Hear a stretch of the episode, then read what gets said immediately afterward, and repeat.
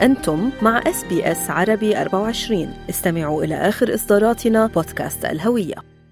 لا يوجد علاج عندما يتعلق الأمر بإدمان القمار ولكن عندما تحصل عائلة وأصدقاء المقامرين الذين يواجهون مشكلات على الدعم المناسب فمن المرجح أن يساعدوا أحبائهم على التعافي.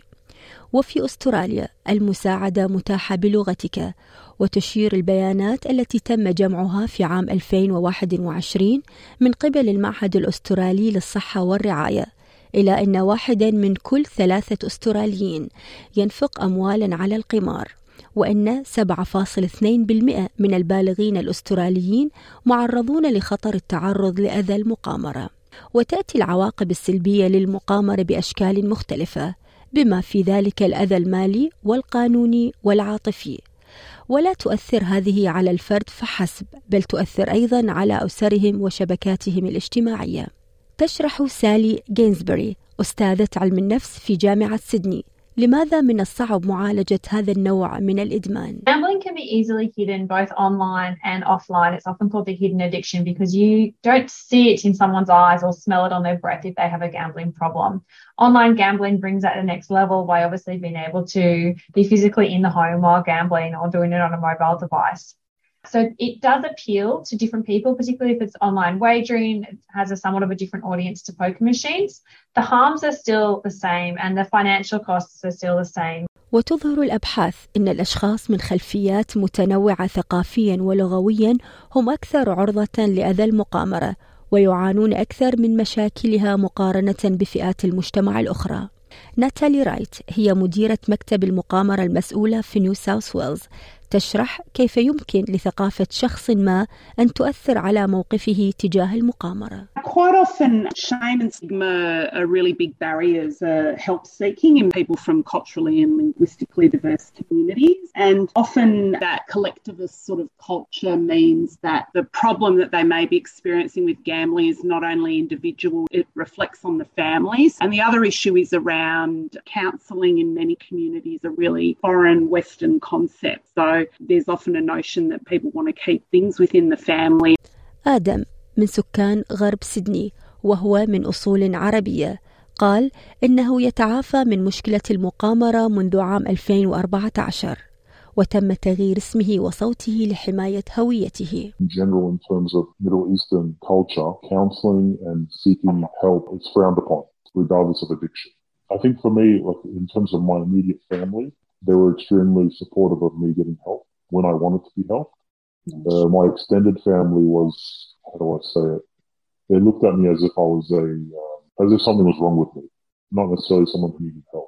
البروفيسورة جينزبري هي أيضا مديرة مركز أبحاث ومعالجة القمار في جامعة سيدني تقول إنه من المهم جدا العمل عن قرب مع الشخص المدمن Obviously, one aspect is to work with the individual to manage their own understanding of gambling and use of gambling as a coping strategy, but also to look at the dynamics of their environment. Uh, do they have support in terms of their recovery? Have they disclosed their gambling problem? Is their gambling problem impacting significant others? And how can we set them up for success by changing that environment? وتضيف البروفيسورة جينزبري أن الكثير من الناس لا يختارون وسائل الدعم الرسمية There's a lot of variation in terms of how people get support for gambling, and many people will look for informal support. So whether that be uh, a health practitioner or you know supports within the community, such as community leaders or religious leaders, or support within their family. This can be really helpful if it is appropriately provided.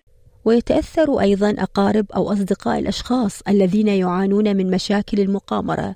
ويحتاجون إلى دعم أنفسهم أيضا. They are often experiencing financial harm associated with gambling. They might be experiencing stress to the relationship and they have to deal with the negative consequences. So these people need to have support for themselves in order to manage their own levels of stress or distress. They also need to support themselves regardless of whether the person is trying to change their gambling. It's also helpful for them to have support while they're trying to assist someone or support someone who is attempting to recover. فعلى سبيل المثال في حالة آدم أحد أفراد عائلته طلب المساعدة والتي في المقابل كانت مفيدة للجميع.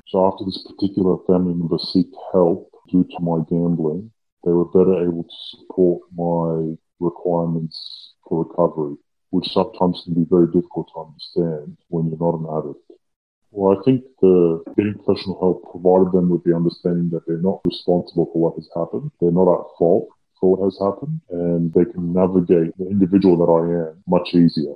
يتذكر آدم نقطة التحول بالنسبة له في عملية التعافي والتي جاءت عن طريق مؤسسة جامبلرز أنونيموس لكنه يقول إن كل شخص مختلف عن الآخر some people, it might be as simple as getting into a routine of not going to the gambling venues and changing your life around, becoming more a part of your community as opposed to continually gambling. I've seen people succeed with just going to counseling on a weekly basis or changing jobs or changing programs of life, exercising more. There's, things that work for everyone.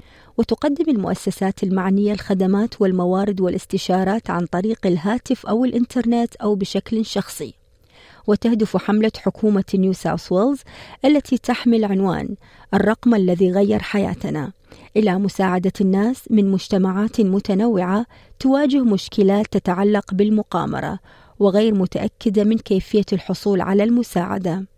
وتقول ناتالي رايت إن أول اتصال لأي شخص يحتاج إلى المساعدة في نيو ساوث ويلز هو عن طريق مؤسسة GambleAware وأضافت أن الأشخاص الذين يتصلون بخط المساعدة الخاص بجامبل أوير على الرقم 1800 858 858 لديهم خيار استخدام مترجم فوري والتواصل مع مستشار يتحدث لغتهم actually provide counselling in upwards of 50 languages, so that is available for anyone in New South Wales. Family plays a really big part in supporting the person that is struggling with gambling, and our services also support their loved ones. You know, the importance of family, particularly in culturally and linguistically diverse communities, can't be understated. تتوفر أيضا موارد الدعم عبر الموقع الإلكتروني لمؤسسة جامبل أوير وهي مترجمة إلى العديد من اللغات بينها اللغة العربية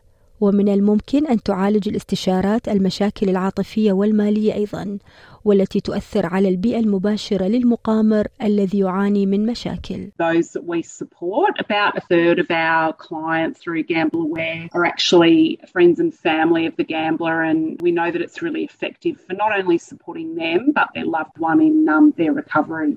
And the other thing to mention is that it's therapeutic counselling, but there is also financial counselling available if there are some debt piling up due to your loved one's gambling or, you know, there's the financial issues. هذا التقرير من إعداد زوي ثوميدو ومنال العاني اضغطوا على اللايك أو على الشير أو اكتبوا تعليقا تابعوا اس بي اس عربي 24 على الفيسبوك